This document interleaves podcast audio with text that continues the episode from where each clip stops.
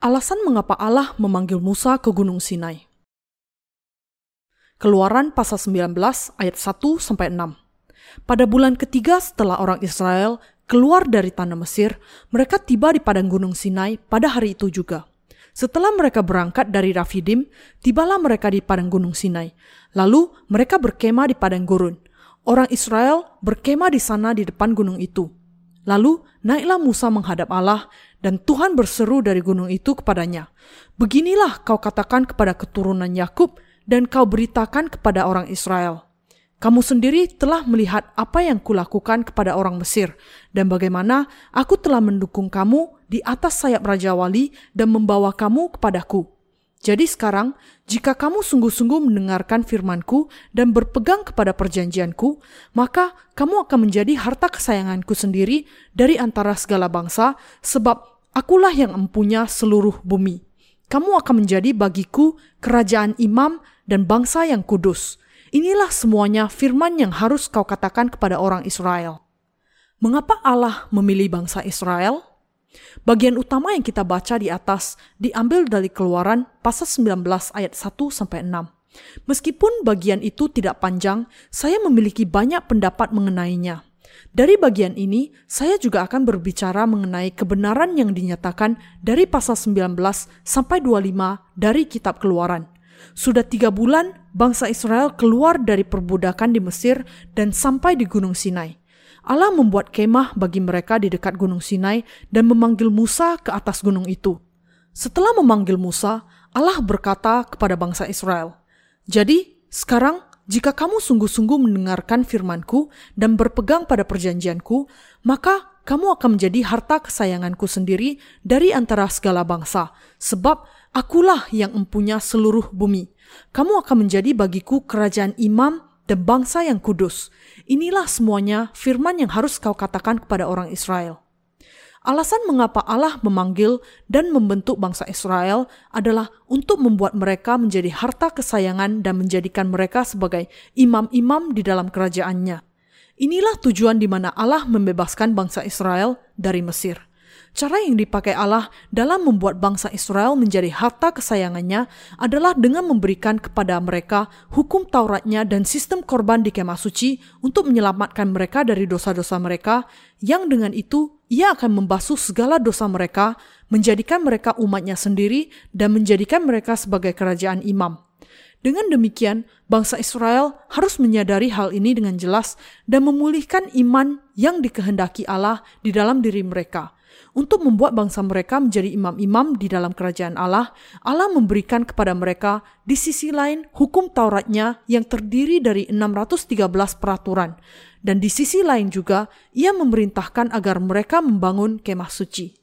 Karena itu, kalau bangsa Israel tidak percaya kepada Yesus Kristus yang datang sebagai Mesias mereka, mereka harus bertobat dan percaya kepadanya dengan sepenuh hati mereka. Yesus yang adalah perwujudan dari sistem korban persembahan di dalam kemah suci sudah membasuh segala dosa mereka dengan baptisannya yang diterima dari Yohanes dan darahnya di kayu salib.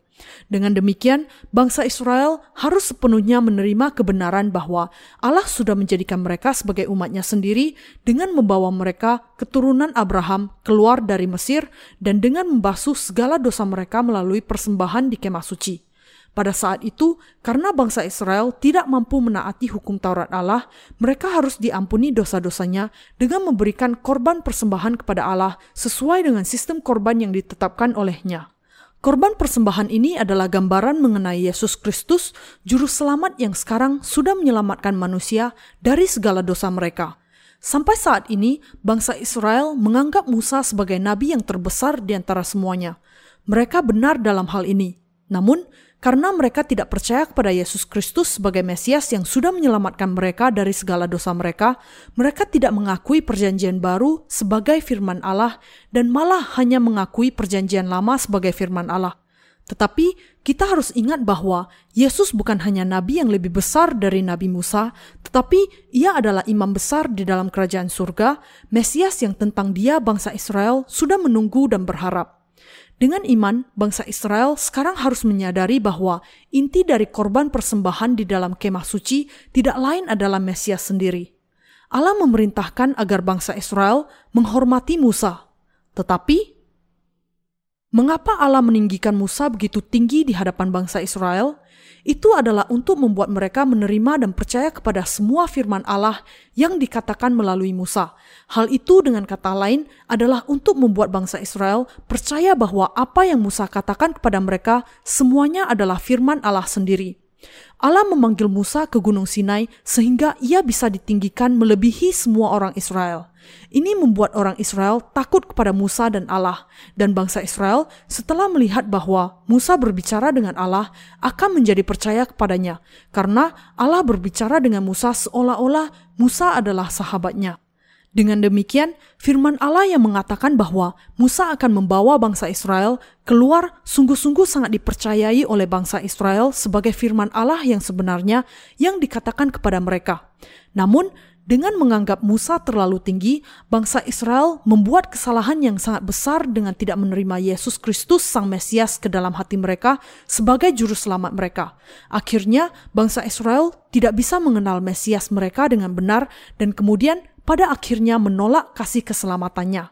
Mereka sekarang memiliki sebuah tanggung jawab yang sangat besar di hadapan mereka, yaitu untuk menerima Yesus Kristus yang adalah nabi yang jauh lebih besar dibandingkan dengan Musa ke dalam hati mereka sebagai juru selamat mereka.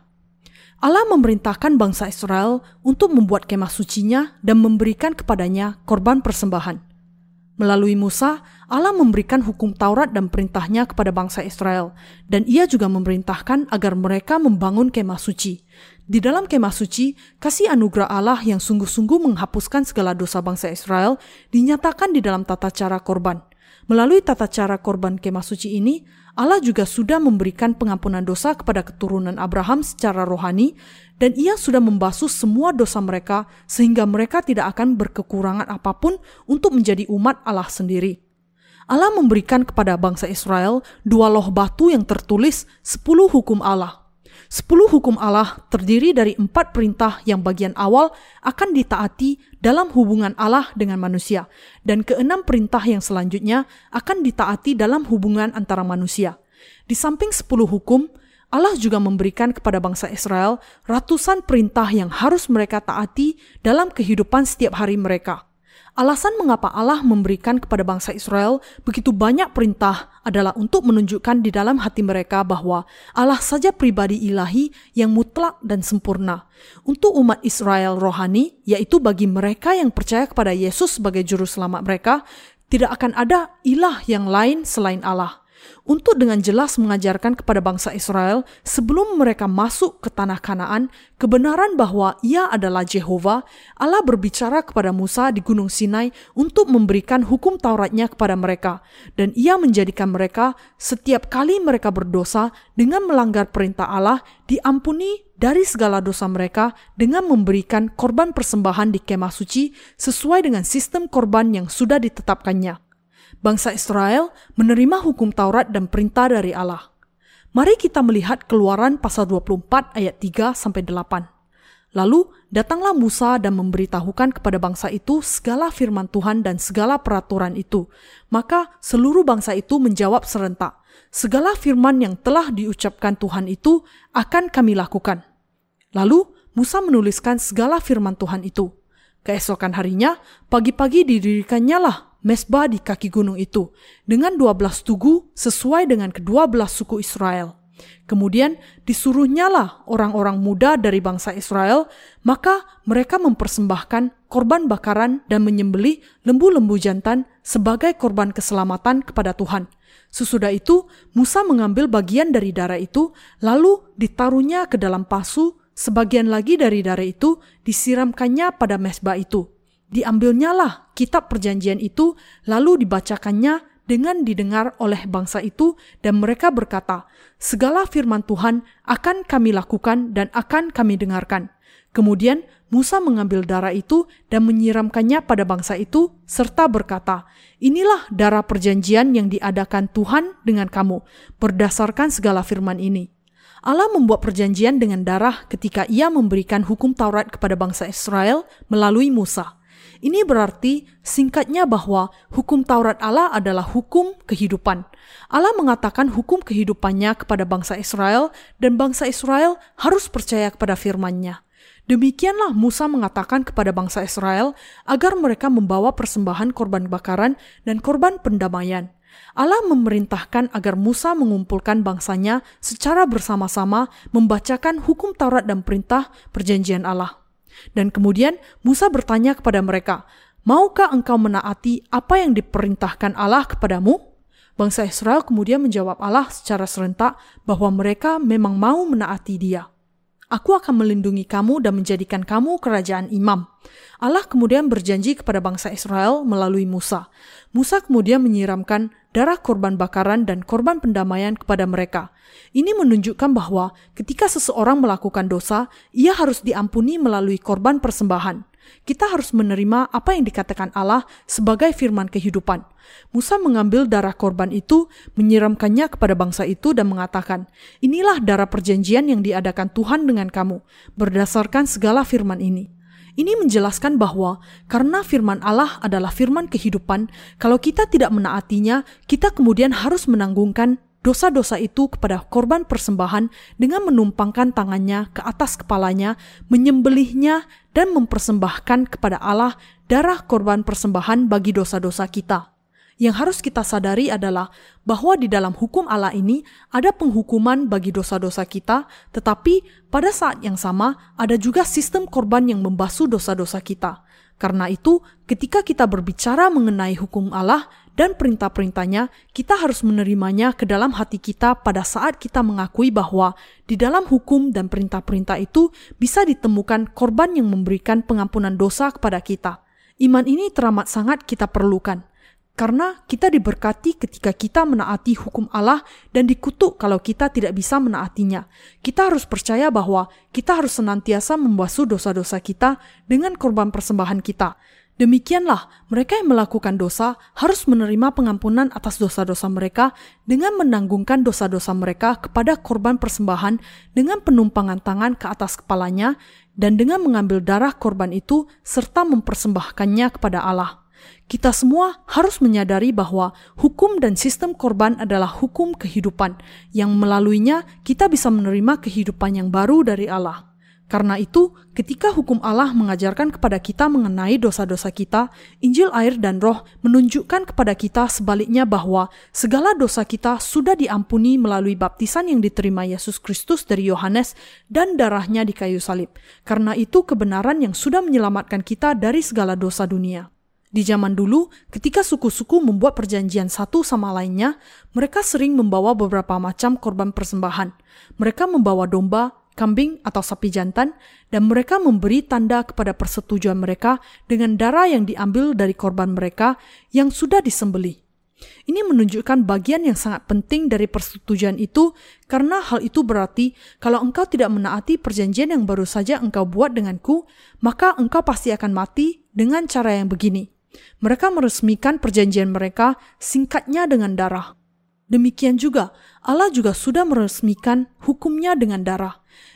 Ia mengatakan kepada kita dengan kata lain bahwa kalau kita tidak bisa menaati seluruh 613 hukum dan perintah, kita akan dibunuh karena dosa ini. Tetapi pada saat yang sama, ia juga mengatakan agar kita menerima pengampunan dosa kita dengan memberikan korban persembahan kita dengan iman, dengan menggunakan sistem korban di dalam kemah suci. Kalau kita tidak pernah menganggap serius firman Allah tentang hukum Taurat, kita tidak akan pernah bisa lepas dari murka yang datang dari Allah karena dosa-dosa kita. Tetapi kalau kita memberikan kepadanya korban persembahan yang ditetapkannya bagi kita, Allah kemudian akan menerima korban persembahan ini dan mengampuni segala dosa kita. Kita semua harus percaya kepada hukum kehidupan ini. Hukum keselamatan ini yang mengatakan kepada kita Allah akan mengampuni segala dosa semua orang Israel melalui sistem korban di dalam kemah suci dan dengan itu menerima di dalam hati pengampunan dosa. Siapa saja yang mengabaikan hukum Allah tidak dimasukkan ke dalam belas kasihan Allah. Dan karena itu, kita semua harus percaya kepada hukum dan sistem korban sebagai kebenaran keselamatan, sebagai kehidupan kita sendiri. Inilah sebabnya Musa membaca perjanjian yang terbuat dari dan dengan darah yang disiramkan kepada orang-orang Israel ini, mereka membuat perjanjian dengan Allah dengan darah. Karena itu, dengan menyadari bahwa kita akan mati kalau tidak menaati hukum yang ditetapkan dengan darah ini, kita semua harus menerima pengampunan dosa dengan percaya selain kepada hukum Taurat, kepada Yesus Kristus yang adalah korban bakaran dan korban pendamaian kita kepada Allah. Kita semua harus menyadari dan percaya kepada kebenaran bahwa kita bisa diampuni dari segala dosa kita dengan memberikan kepada Allah korban kita seturut dengan sistem korban di dalam kemah suci. Melalui kain biru dan kain ungu, kain kirmizi, dan dari lenan halus yang dipintal benangnya, Allah sudah dengan jelas mengajarkan kepada kita tentang pengampunan dosa bagi semua manusia. Untuk bisa diampuni dari segala dosa mereka, segala dosa mereka harus ditanggungkan kepada korban persembahan dengan menumpangkan tangan mereka ke atas kepala korban dan kemudian korban ini harus mencurahkan darah korban untuk diletakkan di tanduk-tanduk mesbah korban bakaran dan sisa darahnya kemudian dicurahkan ke tanah.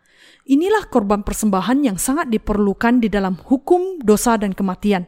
Karena itu, dengan iman kita, kita semua harus menerima pengampunan dosa yang dijanjikan dengan korban persembahan yang menghapuskan segala dosa kita. Dengan memberikan kepada kita sistem korban kemah suci, Allah sudah memberikan kepada kita hukum keselamatan, sehingga kita bisa percaya kepada firman Allah dan diampuni dari segala dosa kita. Kita semua harus menerima berkat pengampunan dosa yang diberikan oleh Allah dengan menerima ke dalam hati kita dua hukum yang diberikan Allah kepada manusia, hukum itu sendiri dan sistem korban di dalam kemah suci. Bagaimana kita bisa diselamatkan dari segala dosa kita?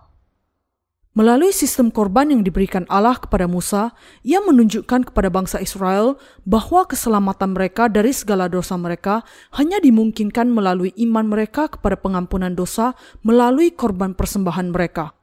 Ketika kita memberikan kepada Allah iman kita yang percaya kepada sistem korban yang ditetapkan olehnya, ia akan menerima iman kita dan menyelamatkan kita dari segala dosa kita.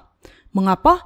Karena Allah sudah menyelamatkan seluruh manusia dari segala dosa mereka dan kepada mereka yang percaya, ia memberikan berkat-berkat pengudusannya yang menguduskan mereka dari segala dosa mereka. Melalui sistem korban yang ditetapkan oleh dia yang adalah mutlak, Allah sudah memungkinkan kita untuk memahami hukum keselamatan. Kalau seseorang tidak mengetahui dan juga tidak percaya kepada kebenaran bahwa Yesus Kristus sudah menghapus segala dosanya untuk selamanya melalui baptisannya dan darahnya di kayu salib, ia pasti akan dihukum. Kita semua harus percaya kepada kasih belas kasihan Allah.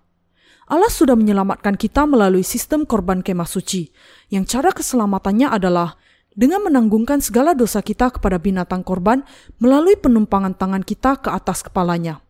Demikian juga, kita semua harus percaya kepada Injil anugerah yang sudah memungkinkan kita semua yang percaya kepada kebenaran ini untuk dibasuh dosa-dosanya. Mereka yang tidak mengakui hukum Taurat dan sistem korban di hadapan Allah tidak akan pernah bisa menerima pengampunan dosa untuk selamanya. Tetapi mereka yang percaya kepada Injil anugerah Allah bisa menerima pengampunan dosa kekal. Allah tidak hanya melarang kita melakukan dosa, tetapi Ia mengajarkan kepada kita bahwa kita adalah makhluk berdosa yang tidak bisa tidak melakukan dosa setiap hari. Karena itu, ia memerintahkan agar kita memberikan kepadanya korban persembahan untuk menerima pengampunan atas dosa-dosa itu.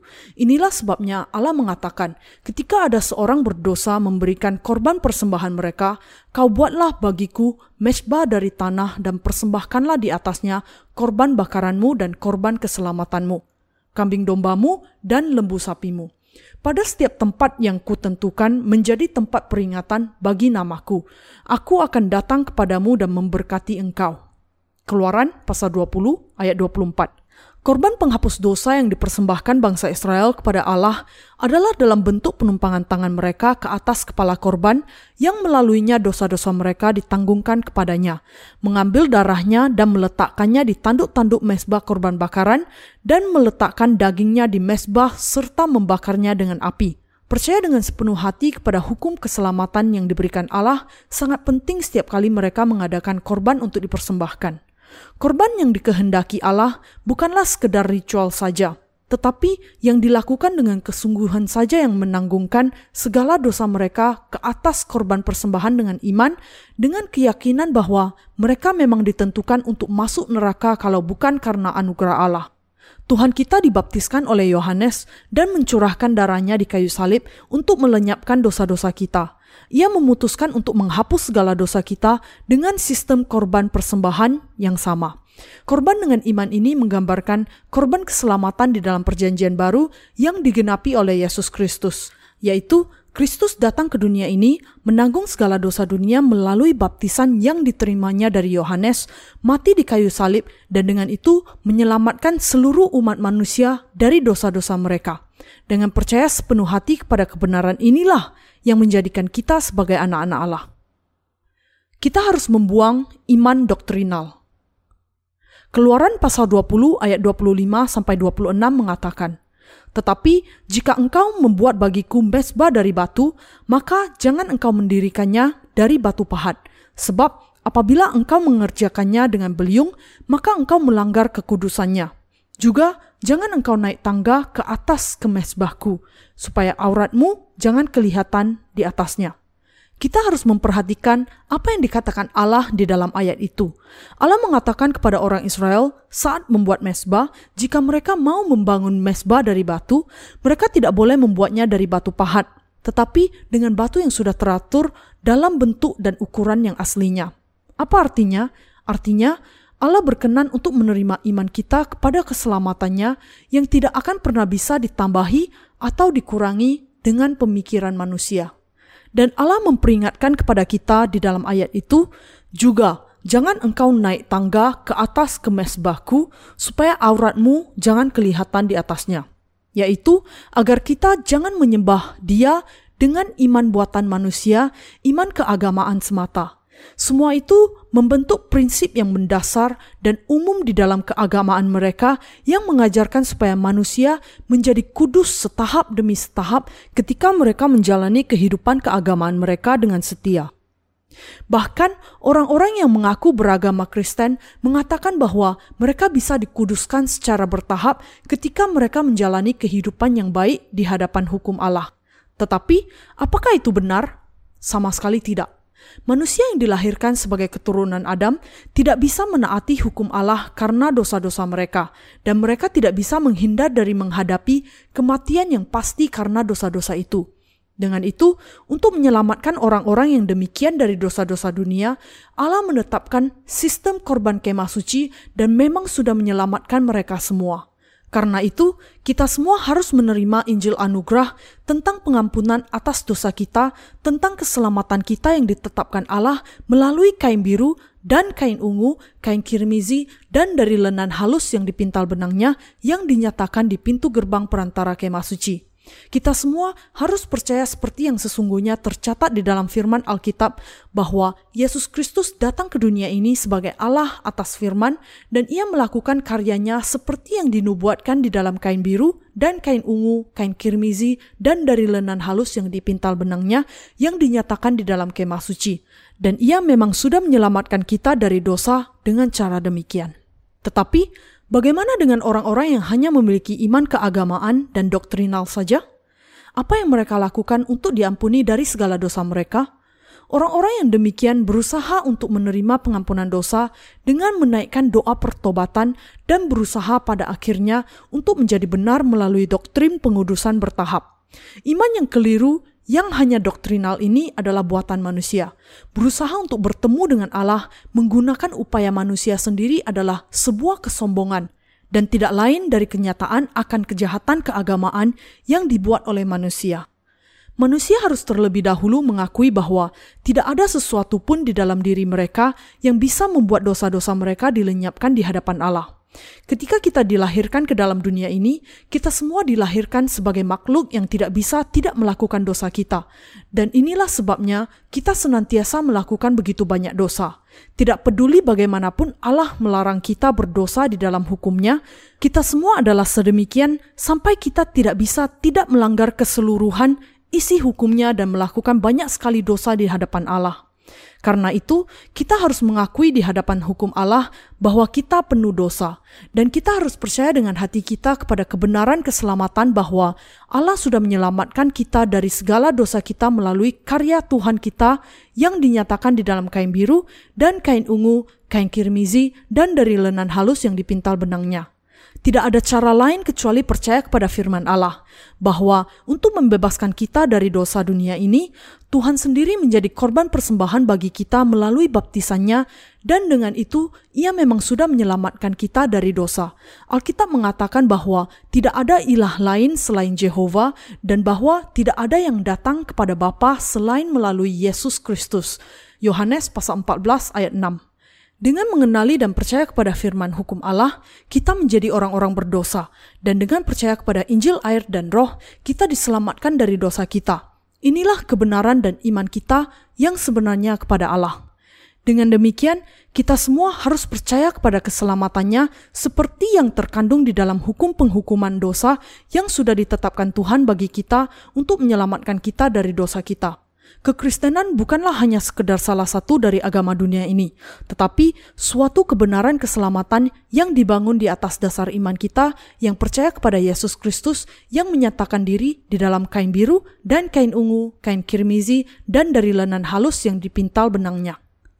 Melalui petikan utama di atas, kita semua harus menyadari mengapa Allah telah memanggil kita.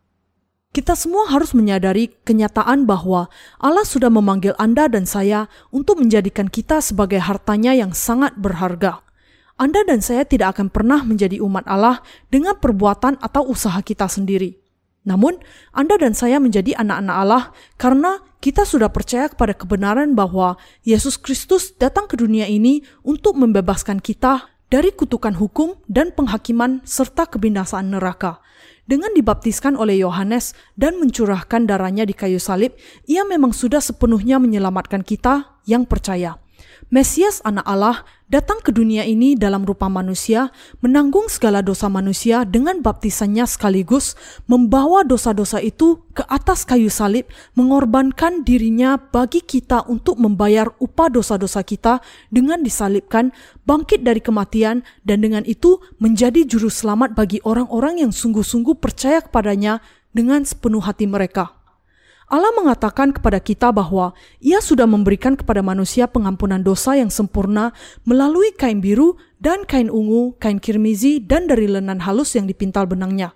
Tuhan kita bertanya, Apakah engkau percaya kepada karyaku, kepada apa yang sudah aku lakukan untuk pengampunan dosamu, bahwa aku datang ke dunia ini dan dibaptiskan oleh Yohanes, serta mencurahkan darahku di kayu salib? Di hadapan Allah yang bisa kita katakan hanya ya. Agar kita bisa diselamatkan, tidak ada cara lain kecuali percaya kepada pengampunan dosa yang diberikan Allah kepada kita. Bukan hanya orang-orang Israel di zaman Perjanjian Lama, tetapi Anda dan saya saat ini, dan memang seluruh manusia di seluruh dunia harus mengerti mengapa Allah memanggil Musa ke Gunung Sinai dan mengucapkan firman-Nya kepadanya di bagian yang kita baca.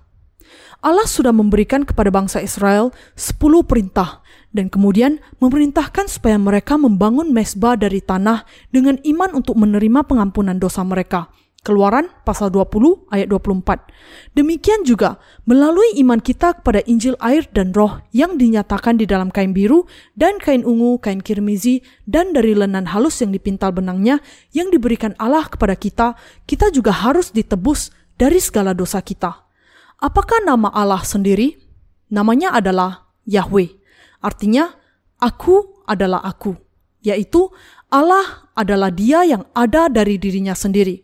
Bagaimana kemudian ia datang kepada kita? Ia datang kepada kita melalui air dan roh. Yohanes pasal 3 ayat 5. Tuhan kita datang ke dunia ini dalam rupa manusia, mengambil segala dosa manusia dengan dibaptiskan oleh Yohanes dan dikorbankan atas nama kita dengan disalibkan sampai mati.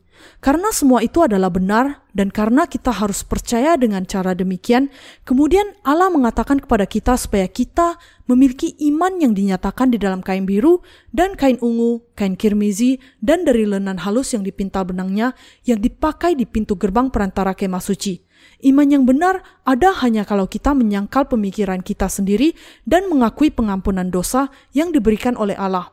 Kita tidak akan pernah cukup dalam mengucap syukur kepadanya yang memberikan kepada kita kasih yang tidak bersyarat seperti itu, karena kita tidak memiliki apa pun yang bisa kita banggakan di hadapan Allah. Kita harus meletakkan dasar iman kita di dalam pengetahuan yang alkitabiah akan Allah.